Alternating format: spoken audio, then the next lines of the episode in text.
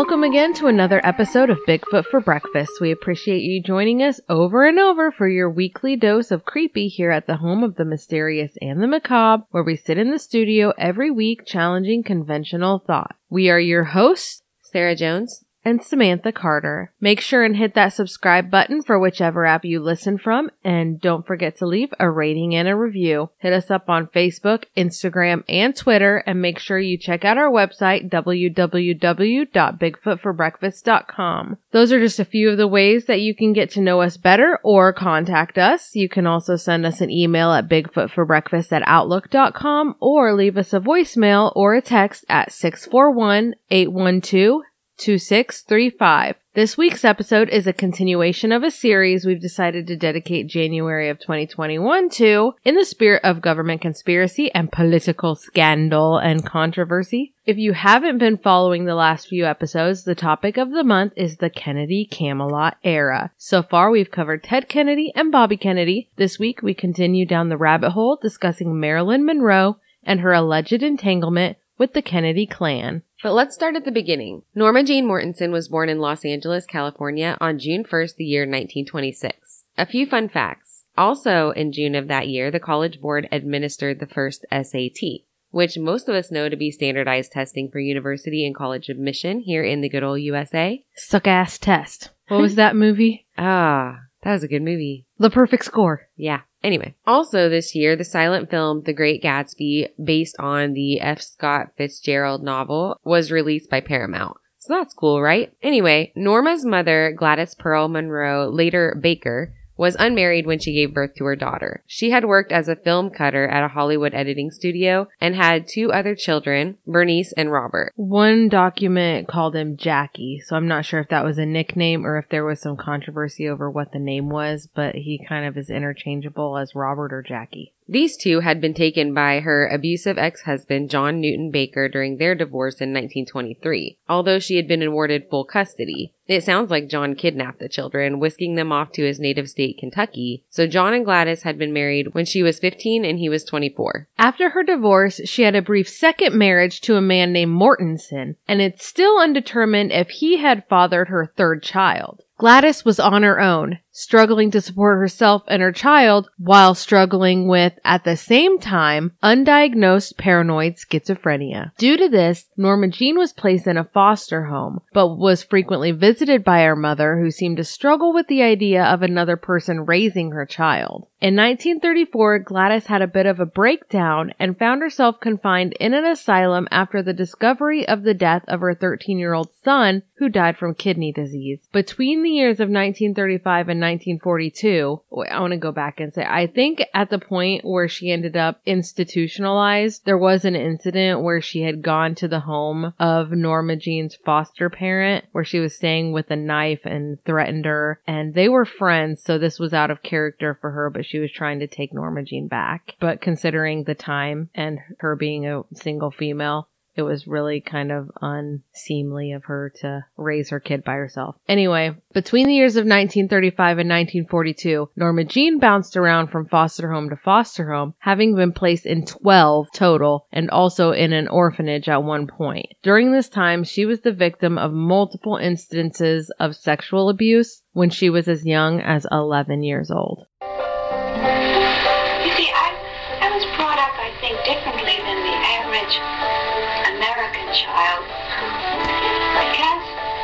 The average American child of, you know, like to be happy, you know, to be happy, that's, the, that's it. Gee, happiness wasn't anything I ever took for granted. I loved to play. I didn't like the world around me too much because it was kind of grim.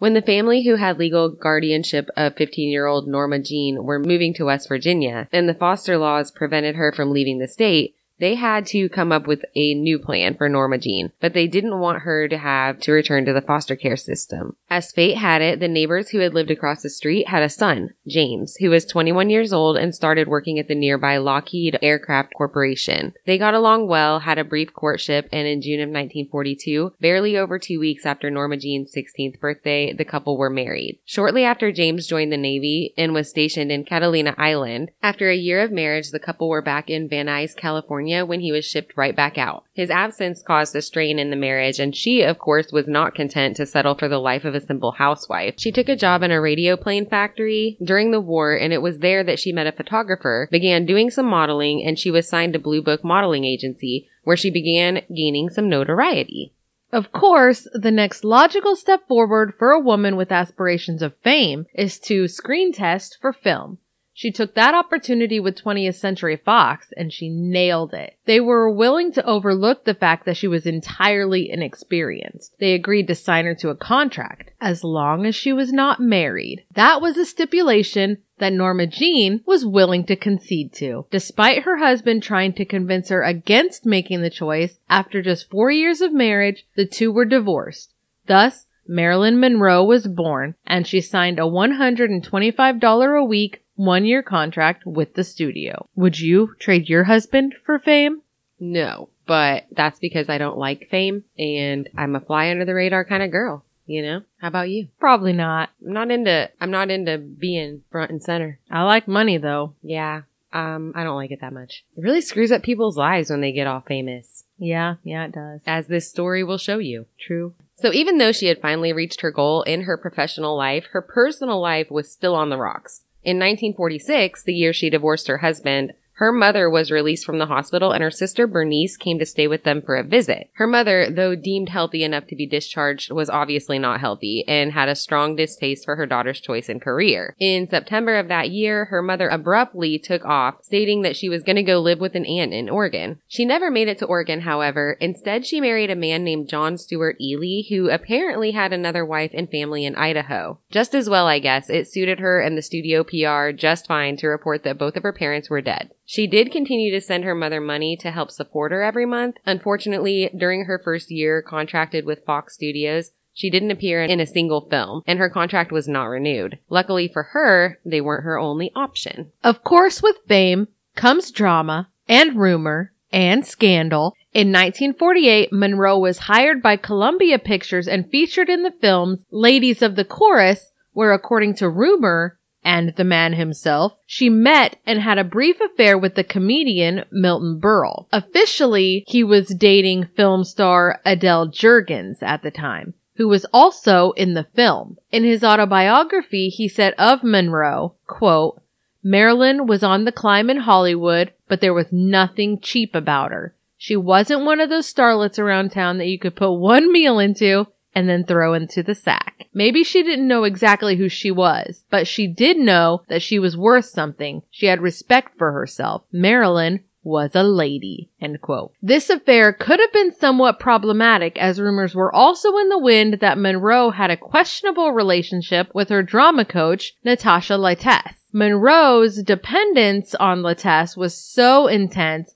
she would refuse to film scenes without her coach nearby. They were inseparable both on and off set, which raised a few eyebrows. Monroe was once quoted as saying, She was a great teacher, but she got really jealous about the men I saw. She thought she was my husband, about Lytess. Although this wasn't the only reported same-sex affair that Marilyn was rumored to have had, in 1954, her autobiography, she wrote, A man who had kissed me once had said it was very possible that I was a lesbian because apparently I had no response to males. I didn't contradict him because I didn't know what I was. Now, having fallen in love, I knew what I was.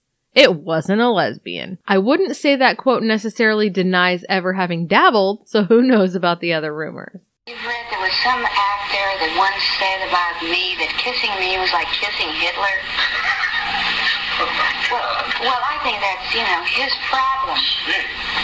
And if I really have to do intimate love scenes with an individual who really uh, has these kind of feelings towards me, then my fantasy can come into play. In other words, out with him, in with somebody else. There's somebody else there. According to her filmography list in her biography on Britannica.com, in 1950, Monroe played a small, uncredited role in the Asphalt Jungle and had an appearance in All About Eve, which won her a seven year contract with 20th Century Fox. And she then appeared in The Fireball, Let's Make It Legal, Love Nest, As Young as You Feel, Clash by Night, Monkey Business, Don't Bother to Knock, We're Not Married, Full House, and Niagara. With these films, she gained a ton of recognition, but she still had a bit of a cross to bear. As it came out in the press in 1952 that her mother was in fact not dead and working in a nursing home outside of Los Angeles. This wasn't the only PR nightmare that she had to face at the time as the Hollywood mandatory nude photo resurfacing also struck her that year. It was a minor hiccup though because her appearance in the 1953 films Gentlemen Prefer Blondes and How to Marry a Millionaire that really pushed her to stardom. Despite her huge success in the spotlight and her obvious talent, she is said to have struggled with performance anxiety so severe that it would make her physically ill before going on set. She was almost infamous for being late to set, which really pissed off her co-stars and the film crew as a result of her struggles with this anxiety and insecurity about her performances. On January 14, 1954, in a quiet City Hall ceremony, Marilyn Monroe was married to none other than the Yankee Clipper, recently retired Joe DiMaggio, who had been labeled the greatest baseball player of all time. In her memoir, My Story, Monroe had told author Ben Hecht, the truth is, we were very much alike, as they both had dreams of stable family, life, and children. She said, My publicity, like Joe's greatness, is something on the outside. It has nothing to do with what we actually are. In Dinner with DiMaggio, Memories of an American Hero, author Rock Positano wrote that DiMaggio described physical intimacy with Monroe as epic. Quote, when we got together in the bedroom, it was like the gods were fighting. There were thunderclouds and lightning above us. Well then. Of course, their marriage was a struggle from the beginning. With her career blossoming and him struggling with her public image, the same year they got married, the film There's No Business Like Show Business was released, and then The Seven Year Itch was released in 1955. Apparently, during the filming, DiMaggio was disgusted with the subway grate scene, which is an image that is definitely infamous. According to Monroe, he told her, quote, exposing my legs and thighs, even my crotch, that was the last straw. A mere nine months after they had joined in marriage, Monroe tearfully and publicly announced their divorce. Marilyn Monroe and Joe DiMaggio are presently having domestic difficulties. All I can say as her attorney is that Freddie, this is what we would say with the conflict of careers.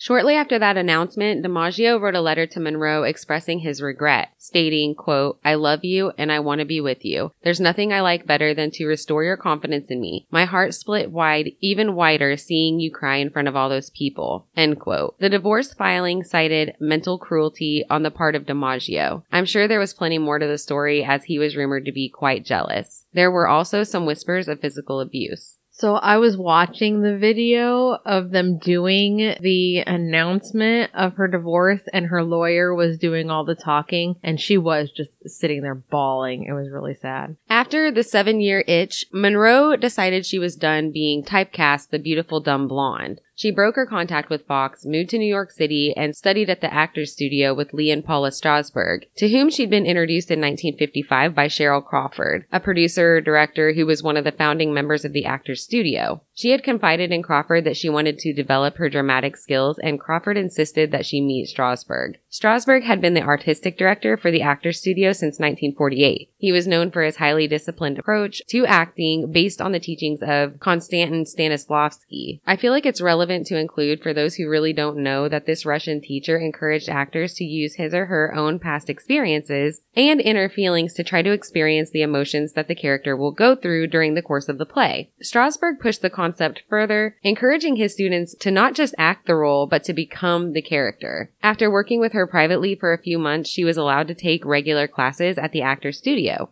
and it sounds like she flourished. Ultimately, she ended up saying goodbye to her longtime drama coach, Lytess, who we spoke about earlier, and Lytess was pretty bitter about it. Throughout the intense training she received in New York, she continued to struggle with her own identity and image as Marilyn Monroe and struggled as well with insomnia. She was at her peak, and after the success of The Seven Year Itch, Fox pulled out all the stops and made every concession to get her to sign a fourth and final contract with 20th Century Fox on December 31st, 1955. Her salary was boosted to $100,000 per film. She fought for and won cinematographer approval as well as story and director approval. She was also allowed to make films with independent producers as well as other studios. This amount of creative control was considered revolutionary for an actor at that time. More so, I would imagine, for an actress. So at this point, I feel like we should backtrack a little bit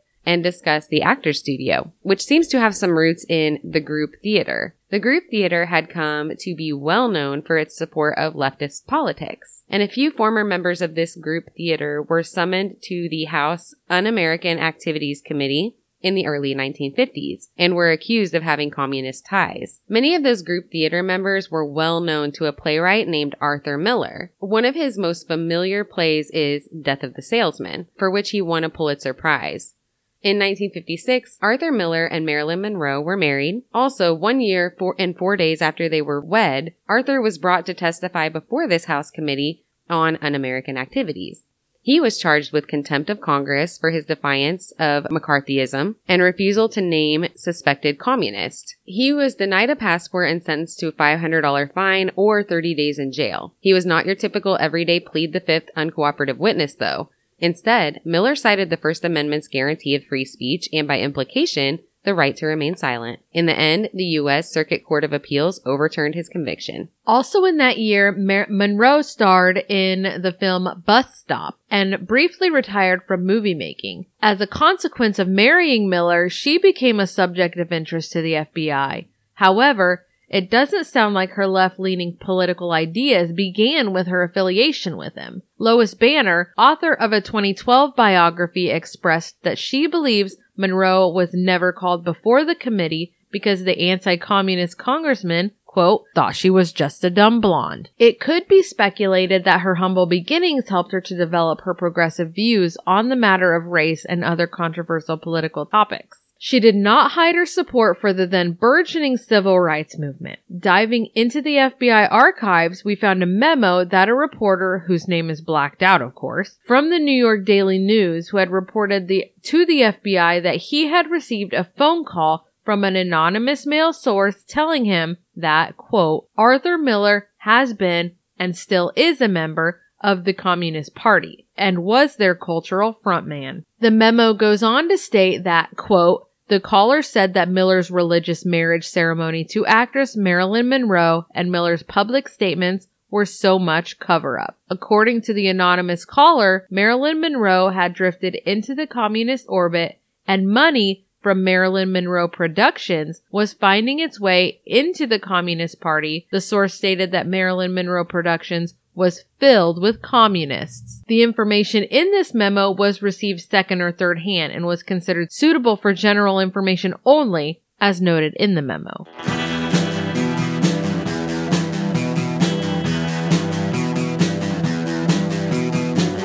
You're listening to the Prescribed Films Podcast Network home to hundreds of hours of free podcast entertainment. The shows on this network all have a common goal providing you with the best discussions about movies and other forms of entertainment media. The PFPN hopes to fill your earholes with audio joy.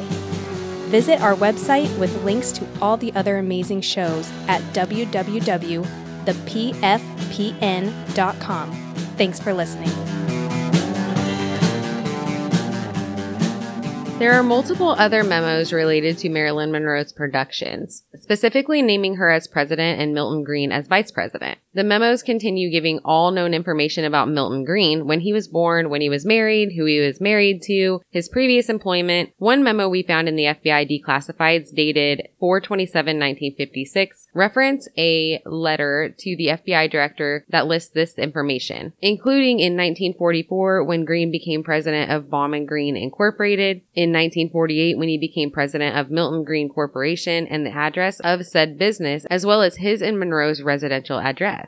The memo also names Irving mm-hmm. F. L. Stein as an officer of the company and gives similar information about him, including the address at which he was at the time practicing as an attorney. Sam Greengold was also listed as a former secretary treasurer of the production company prior to his death in September of 1951. They know a buddy. Everything about a buddy. The FBI documents report that there is not a complete list of officers for that organization available. New Haven and Los Angeles offices are requested to continue searching for information on subversive activity of Milton Greene. Lee B. Greene, who is a medical doctor at Bellevue Hospital in New York, as well as the brother of Milton Greene, is also named in this list, but his position or other affiliation with the company is not specified. I think he was just on the watch list for association. Despite her temporary retirement from film after her marriage to Artie Miller in 1956, she did co-star with Laurence Olivier in The Prince and the Showgirl in 1957. Thank goodness. But her business venture and personal relationship with Milton Greene, the VP of MMP, was rapidly failing on mutual terms regarding resentments about the problems during production of The Prince and the Showgirl.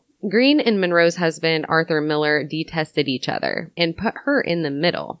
Of course, her company and relationship with Greene would suffer as she felt that she needed to keep her loyalty to her husband over everything else. Miller pushed her to take control away from Greene, and Greene was condescending toward Artie at every turn. Hating that he held so much sway over her and by extension the company and her films, by this time Marilyn was seeing an analyst, or a psychoanalyst, up to five days per week. Her mood swings were tumultuous and rumor has it that she was overindulging on her medications. It's apparent in many of her interviews that she struggled very much with a separation of self. She herself as one person and the actress and sex symbol as a completely different person. She was trying to put aside the glamour and face her fears and her memories to become someone good and respectable, something she always doubted in herself.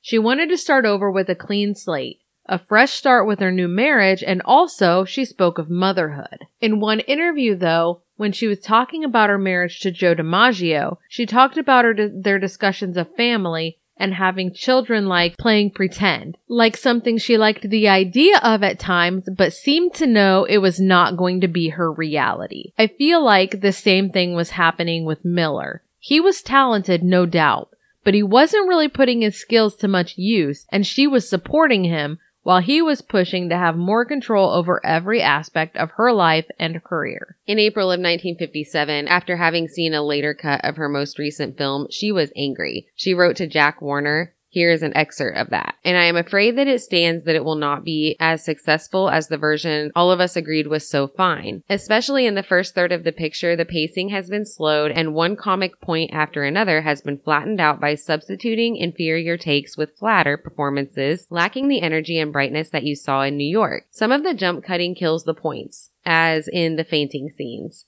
The coronation is as long as before, if not longer, and the story gets lost in it. American audiences are not as moved by stained glass windows as the British are, and we threaten them with boredom. I am amazed that so much of the picture has no music at all when the idea was to make a romantic picture. We have shot enough film to make a great movie. If only it will be as in the earlier version. I hope that you will make every effort to save our picture. End quote. It sounds to me, reading the biographies, that Arthur had pretty much convinced her that she needed to break all ties with Milton Greene. So she pretty much implied that he recut the film against her wishes in order to seal the deal and sever the relationship and his role with the company altogether. That same month, she announced the purge of all the aforementioned employees of MMP and their replacement, who were all in some manner friends of Arthur's. So, okay. So the company, he just wanted to get rid of Arthur, so he just fired or kind of just made Arthur mad on purpose and then fired all his friends. And convinced her that he was doing things that were not beneficial to her. okay, so he was behind Arthur's back, talking Yes. to Marilyn, getting in her head, and then he pushed him out of the film and fired all of his friends at the studio. So what it sounds like is that the recut that she wrote the letter about really wasn't all that dissimilar, but she kind of nitpicked it and made it sound like he went through and re-edited it after the first screening and uh, changed it to a way that she didn't like, and she used that to cut him out of the company. Of course, she was president. I don't know that she really needed an excuse to, you know, fire everybody in her company, but I think it made her feel better about it. I think, yeah, it gave her like a platform so she didn't look as bad or feel as bad. She convinced herself. Or make her feel like she's just letting her husband take control, which it lo- sounds like she was struggling with, but felt like that's what she needed to do. Like she needed to be loyal to him. And Yeah. he was just taking over and taking control of things while also not doing his job. And she was financially supporting him. Playwrights, you know? No, I don't. I don't know any of those. Writers. Okay, I know some of those. Yeah. Melodramatic. Okay, yes. I was screwing up thinking that she fired all of Arthur's friends, but she replaced the people she fired with Arthur's friends. yeah. Got ya. Okay. That was just my bad. Sorry. So in 1959, Monroe starred in one of my favorite films of all time, Some Like It Hot. So much so that I went to California, jumped on a ferry to Coronado with my friend Casey to sneak into the hotel where the movie was filmed and spend the day on the private beach during someone's wedding. we pretty much took a full tour of the hotel that we weren't supposed to be in, and the hotel itself has its own mystery um that I hope to cover in a future episode. It's a really cool story. Maybe even while staying in the hotel. But it's really expensive, so probably not. Um so anyway, this film won Marilyn the Golden Globe Award for Best Actress in a Comedy. If you haven't seen the movie, I suggest you put it on your list. In 1960, she became founding member of the Hollywood branch of the Committee for a Sane Nuclear Policy, and in the same year, she was elected as an alternate delegate to the Connecticut Democratic Caucus. I couldn't really find any information on like what she did on those committees or what those committees accomplished. Now, is this kind of the first time she's really getting into the politics side of things? She really is getting more verbose about it. I think she's building a lot of confidence with the ideals or she's been completely brainwashed by Arthur Miller. But um yeah, she, he I feel like he instilled a confidence in her voice so she felt better about speaking out and getting active in politics where she hadn't really been before. But this is the first time. Yes. Okay. Outside of that, Marilyn Monroe's FBI declassified file is littered with memos and reports detailing her day to day interactions, seemingly innocent interactions with friends. As far as the FBI offices who had her under constant surveillance were concerned, she was surrounded by and deeply involved with communist and communist sympathizers. Honestly, based on their observations and reports of people who were close to her who were giving the FBI this information, she was pretty deep in it. Whether she knew how deep, who knows. Thank goodness for Sharpies. Otherwise, this research might have been easier to put together. Get it? Mm-hmm. Redactions. Marilyn Monroe's final project to reach completion began this year, a screenplay written by her husband, Arthur Miller. One of her most well-known films, The Misfits, in which she starred alongside Clark Gable, not only did this unknowingly mark the near end of her film career, it was also the end of her third marriage, as the couple divorced in January of 1961, thus beginning an even steeper downhill spiral in Marilyn Monroe's mental health. In fact, following her separation from Miller, Monroe spent some time in a psychiatric hospital after an attempted suicide in 1960. Although she was never given an official diagnosis, it is very likely that she suffered from the same mental health ailment as her estranged mother. In spite of her separation from suspected communist Miller, she remained under close watch in regard to her continued left-leaning political views, which is what makes the next chapter of this story even more scandalous than it already would have been. So, among the FBI documents that were declassified in the 1980s, there is a report from an unnamed, and by unnamed, I mean sharpied out, former special agent who was at the time a field representative for the governor of California's office. It sounds like the information was unsourced and the department wasn't able to verify the information, but we're going to share it anyway. So, in this report, the unknown source remarks on the Attorney General Robert F. Kennedy, aka Bobby, having been spending a significant amount of time in Hollywood during the years 1961 and 1962. Bobby was apparently working on getting a film made of his book, which covered his work in criminal investigations with producer Jerry Wald. Robert Kennedy had plenty of Hollywood connections, of course, as his sister Patricia was married to Peter Lawford of the famous Rat Pack. You can find the British actor playing supporting roles in films such as Little Women, Advise and Consent, Exodus, It Should Happen to You. One could speculate that outside of his affiliation with the stars of the Rat Pack, he probably would have been a pretty obscure Hollywood name. Not to diminish his talent as an actor, just never was he the leading man. The Rat Pack was first formed under Humphrey Bogart and included Katharine Hepburn, Spencer Tracy, Cary Grant, Mm.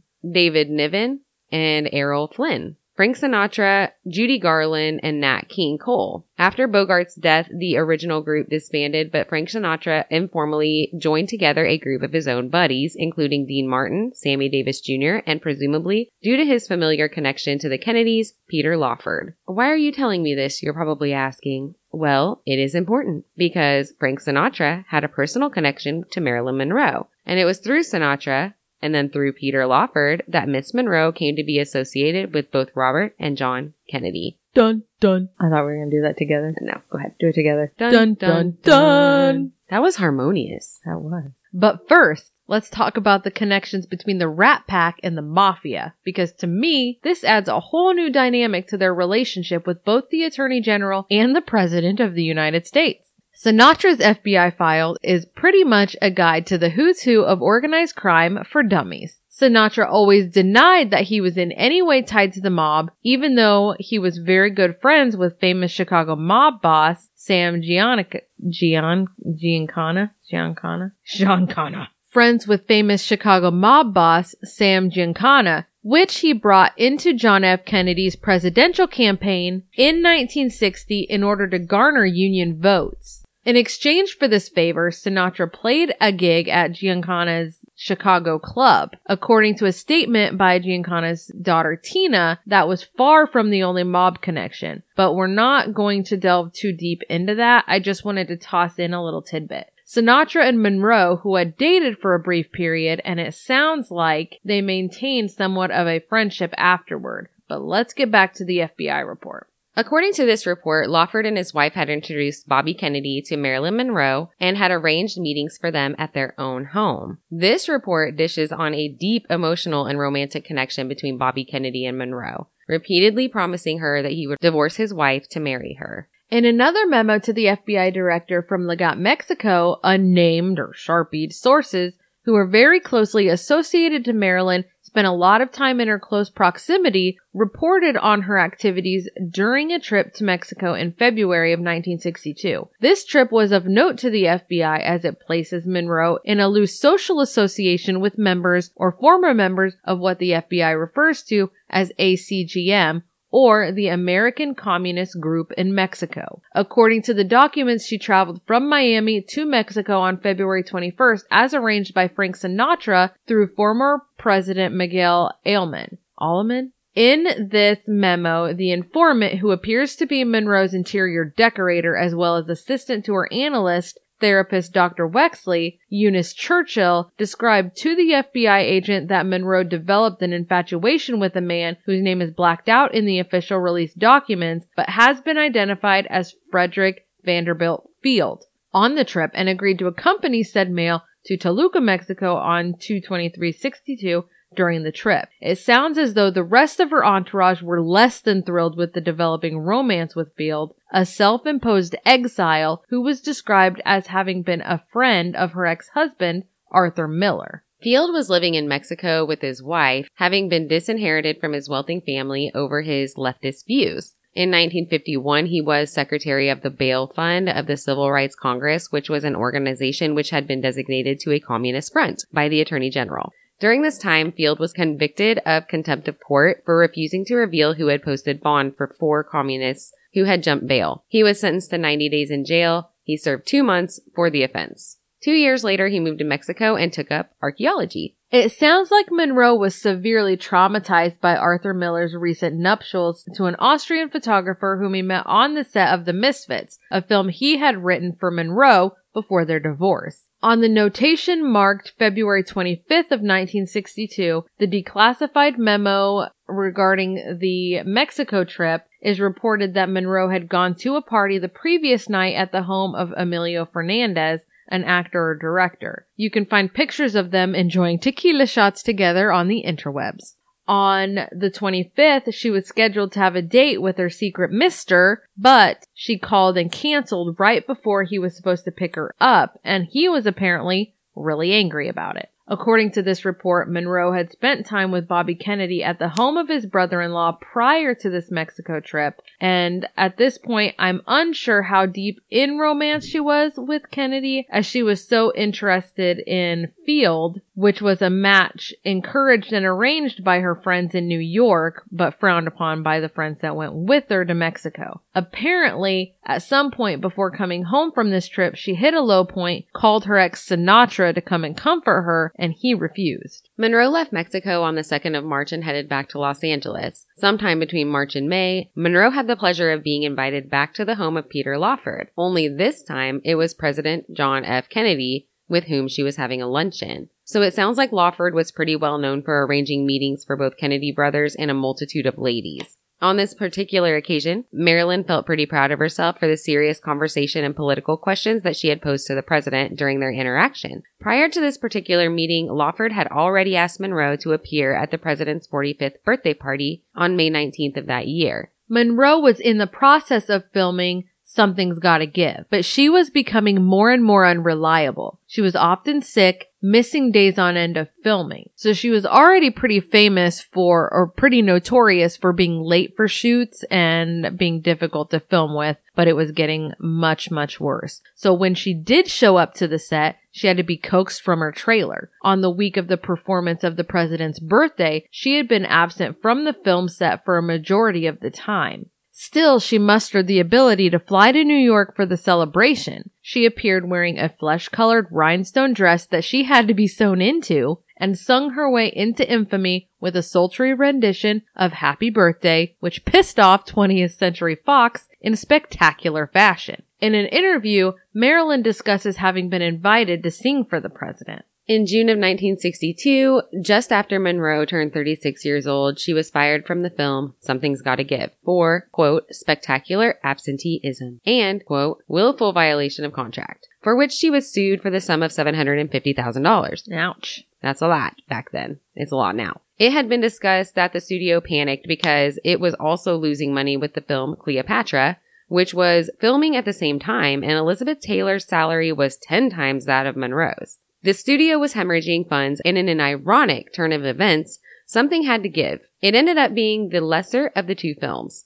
Get it? Yeah. Because something's gotta give. Dean Martin refused to finish the film without Monroe, and when the studio attempted to replace her in her role, eventually her contract was renegotiated and they were to restart filming in October. In another of the FBI file documents, it was detailed that upon being fired from the film set, Monroe made a phone call from her home in California to Robert Kennedy person to person at the Department of Justice in DC to tell him the bad news. He consoled her, telling her not to worry about it and he would take care of it. When he didn't, she called again. This exchange is reported in the document to have been an unpleasant one, with threats being made on her part to go public with their affair. Oh dang. Oh, dang. According to her biographer, James Spada, in an interview with People in 2012, quote, it was pretty clear that Marilyn had sexual relations with both Bobby and Jack. According to Spada, actor Peter Lawford introduced Monroe to JFK in 1954, but there were some witnesses who suggested that Jack met Marilyn through her agent, Charles Feldman, as early as 1951 his first year as a senator, which was the year he met Jacqueline Bouvier. Arthur James, who knew Marilyn from her liaison with Charlie Chaplin Jr., alleges an affair between Monroe and John F. Kennedy as early as 1954, in the declining months of Marilyn's marriage to Joe DiMaggio. At the time, he was senator and not well known enough that he couldn't get by with anonymity in Hollywood. It's not clear how long the affair went on. Pete Summers, a Kennedy political strategist, met Marilyn in Kennedy's company several times at the Lawford House in early 1960 as the Kennedy presidential campaign went into high gear. Summers is quoted as saying they were very close friends. I would say that she was a very special guest. The president was really very, very fond of Marilyn. She was delightful. A little bit nervous, perhaps, but I think the nervousness was because she was in a new territory with people who were political animals. Animals. One rumor is that in the spring of 1962, when Jack Kennedy tired of her, he passed her off to his brother Bobby. This, of course, would have been around the time of their confirmed sighting together at the Lawford home. There were people with different stories to tell, though. According to a 1985 Florida Sentinel article, Senator George Smathers, if you recall, he was the senator that Mary Jo Kopechne was working for prior to joining Bobby's campaign, made the statement that he heard about Marilyn from John Kennedy himself of the affair. Smathers said, quote, I never did believe that Jack Kennedy had a big deal going with Marilyn Monroe until after Bobby. He took her away from Bobby, something like that. Jack would take a girl away from his brother or a friend for a short relationship at any time. End quote. So he alleges that Bobby was with Marilyn before Jack, and then other people say that she had a long-term affair with John Kennedy or Jack before Bobby. So there's a lot of kind of discrepancy there. There is indeed a lot of compelling evidence which leads one to believe that Marilyn was almost certainly involved with both Kennedy brothers. For the president, she may have been just another fling, but it sounds like, for Robert, the commitment and emotional involvement may have been much more. According to an interview with People, former Secret Service agent in the Kennedys detail, Jerry Blaine, said that he was with JFK during two known encounters with the president had with Monroe. One at Lawford's Santa Monica home in 1961 and another at a party in New York following the Happy Birthday performance. According to Blaine, quote, he probably thanked her for singing but they weren't alone. He goes on to say that, quote, he never saw any evidence of an affair, but I don't know what happened behind closed doors, end quote. I was honored uh, when they asked me to appear at Madison Square Garden.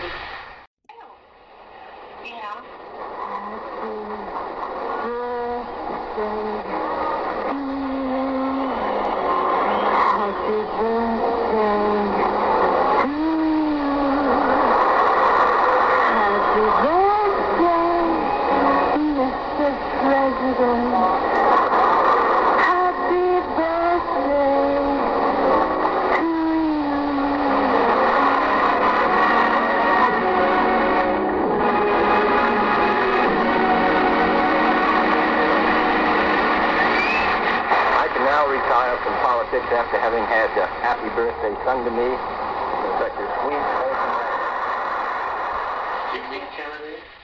According to Peter Lawford's third wife, Deborah Gould, Lawford broke down one night and told her that as she understood it, quote, Robert Kennedy's involvement started when he went to Marilyn as his brother's messenger boy to say that the relationship with the president could not continue. Marilyn took it quite bad, and Bobby went away with the feeling of wanting to get to know her better. At the beginning, it was just to help and console, but then it led to an affair between Marilyn and Bobby. From what Peter told me, he fell head over heels. End quote. Whichever way it went, both Kennedys had a lot to lose in the wake of this affair going public. Her threats to do so were pretty dangerous. Among the rumors of romance between she and the Kennedy brothers, according to the book Norma Jean, The Life of Marilyn Monroe, published in 1969, was that Monroe was admitted under an alias to a Hollywood hospital on July 20th of 1962 to abort a pregnancy. It's easy to assume, of course, that the baby could have been either Jack or Bobby's, as her last tryst with Jack had been only three months before the hospitalization, and she had been with Bobby as recently as a few weeks prior. Of course, she had also had other rumored lovers at the time. She seems to be unrealistically invested in the idea of Bobby, however. On Saturday, August 4th, 1962 at around 5:15 p.m., she spoke with Dr. Ralph Greenson for about an hour on the phone. According to her obituary published in the Los Angeles Times in 1962, quote, was told to go for a ride when she complained she could not sleep, police reported. End quote. He thought she was going to go to the beach for some fresh air. She was struggling and seeking help. What happened the next night, Sunday, August 5th, is up for debate. Some claim that a call was made to Robert F. Kennedy from Monroe begging him not to end the relationship. An article in the FBI archives details that he told her he would never leave his wife and it was over between them and then hung up on her. Upset and crying, she took a handful of sleeping pills. Her housekeeper reports seeing her at last around 8 p.m. Sunday night and noticed her bedroom light was still on till around 3:25 a.m. when she went to check on her. She found Monroe face down with the phone in hand, the empty pill bottle beside her. In the wee hours of August 5th, 1962, Marilyn Monroe was dead. One of the last calls, strangely, would be to the police. There are other theories that her last call was not to Bobby himself, but to Peter Lawford. In one version of this theory, she called Lawford, who tried to convince her to come to a party at his house, as he was concerned that she had taken something. She asked him to say goodbye to Pat Newcomb, her personal secretary, say goodbye to the president, and she said, say goodbye to yourself because you're a nice guy, and then she drifted off. At which point he became concerned and began making phone calls. I think, according to that theory, the first call that he made was to a lawyer who then called her psychiatrist and then her physician, her private physician. So those were all calls that were made before the police.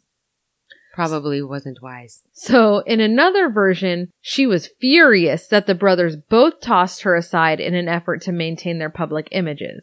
She was angry in the end, wanting revenge. Her biographer Lois Banner published that quote, she was planning on holding a press conference the next Monday and reveal what the Kennedys had done to her. She told Peter, quote, you tell him, meaning Bobby, that if he doesn't fly down to see me and talk things over, he'll hear from me at my press conference Monday morning.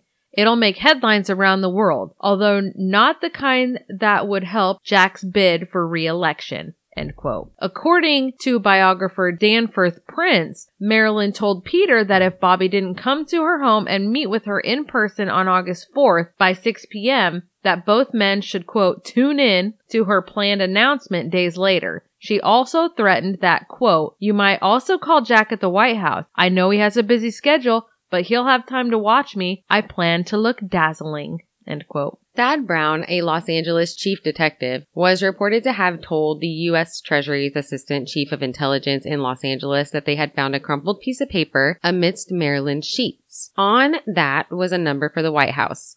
Apparently, it was determined that she had called John Kennedy just before she died. Thus born was the theory that her death was carefully planned and conspired. Peter Lawford knew that Marilyn had a history of faking suicide attempts to gain attention and is reported to have made special arrangements with her psychiatrist, Dr. Ralph Greenson, whom she had called just a day before her death. On her last visit to him, he prescribed 60 Seconal tablets, which are sleeping pills, which was an unusual quantity, especially since he saw her so frequently. The night that she died, her housekeeper, Eunice Murray, put the bottle of pills on the night table, feeding the theory that the housekeeper who was frequently named as an informant in FBI documents, and Marilyn's personal secretary and press agent Pat Newcomb were in on the plan. The theory that the people close to her were in on it seems pretty within reach when you look at what happened after the fact.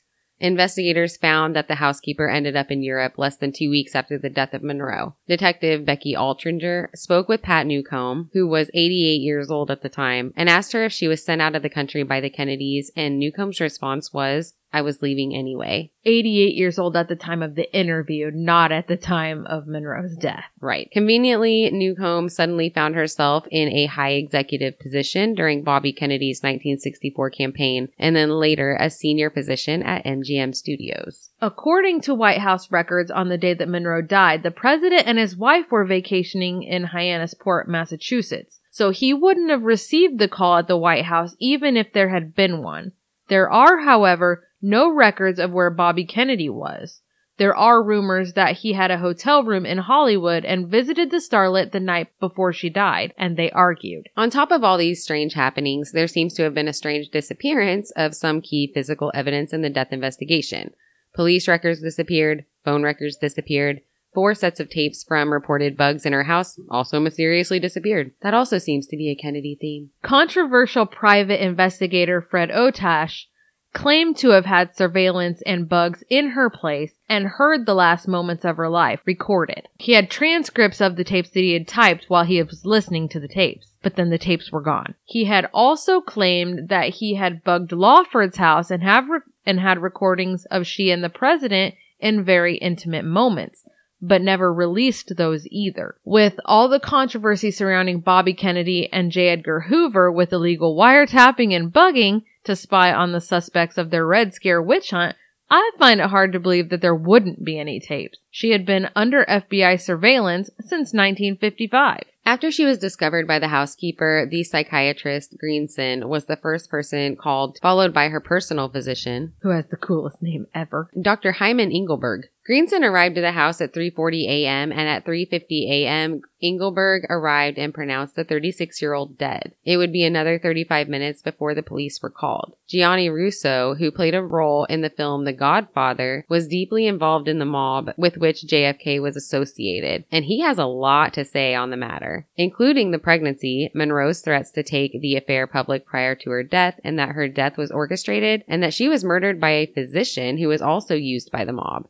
You can find the video in a list of our references. So he said that she was still alive when they found her actually, and that the physician injected a syringe full of air And just went ahead and and just finished her off. oh, The man who would perform the autopsy, Dr. Noguchi, would later describe a fresh bruise on her hip. wasn't Dr. Noguchi Robert Kennedy's autopsy? It was. What? He did the autopsy. Dr. Noguchi also did Robert Kennedy's autopsy. It's so weird. Key players. When he examined Monroe's stomach, he found no traces of the dye that coated the capsules that were supposed to have claimed her life. He did make a statement in the interview that he should have tested her internal organs instead of just performing toxicology tests on the blood and liver. Quote, I'm sure that this could have cleared up a lot of the subsequent controversy, but I didn't follow through as I should have. End quote. According to an interview that he did with the Telegraph in 2009, quote, I think that was a great shame. Not suspicious. I'm not saying that. It was a perfectly normal procedure, but still a shame. End quote. Her death was ruled probable suicide, officially. Miss Monroe has suffered from psychiatric disturbance for a long time. Mood changes were abrupt and unpredictable. In our investigation, we have learned that Miss Monroe had often expressed wishes to give up, to withdraw, and even to die. On more than one occasion in the past, when disappointed and depressed, she had made a suicide attempt using sedative drugs. On the basis of all the information obtained, it is our opinion that the case is a probable suicide.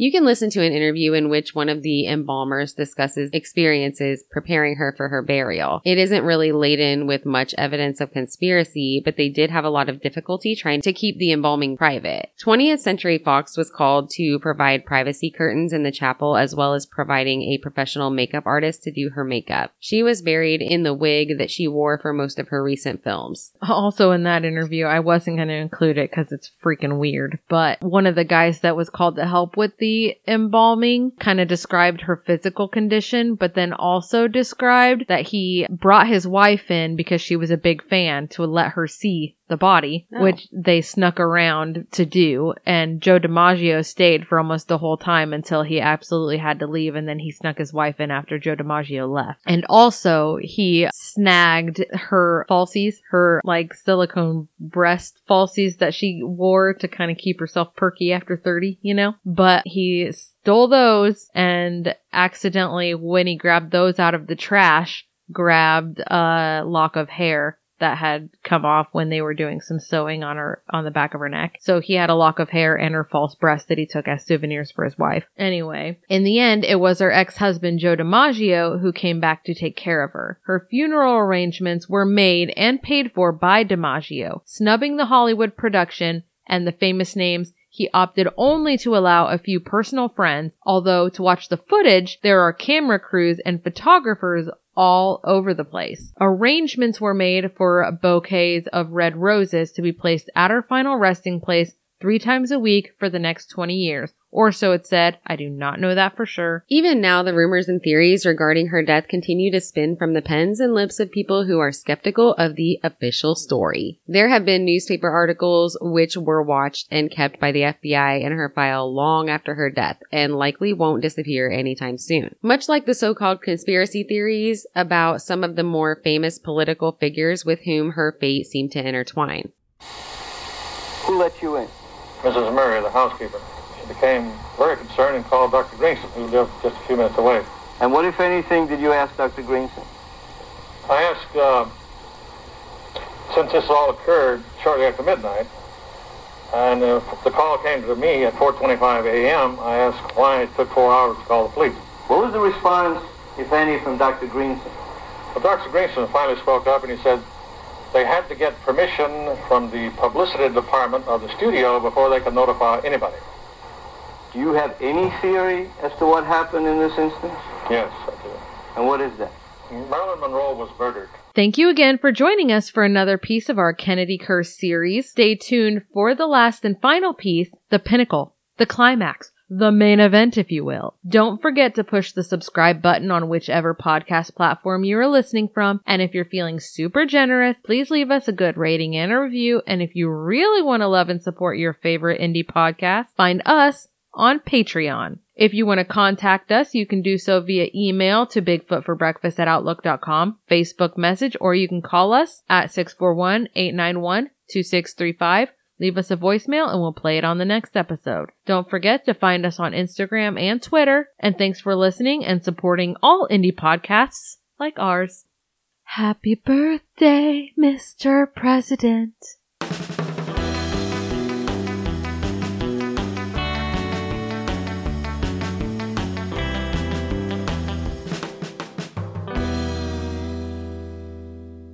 Come at me, bro.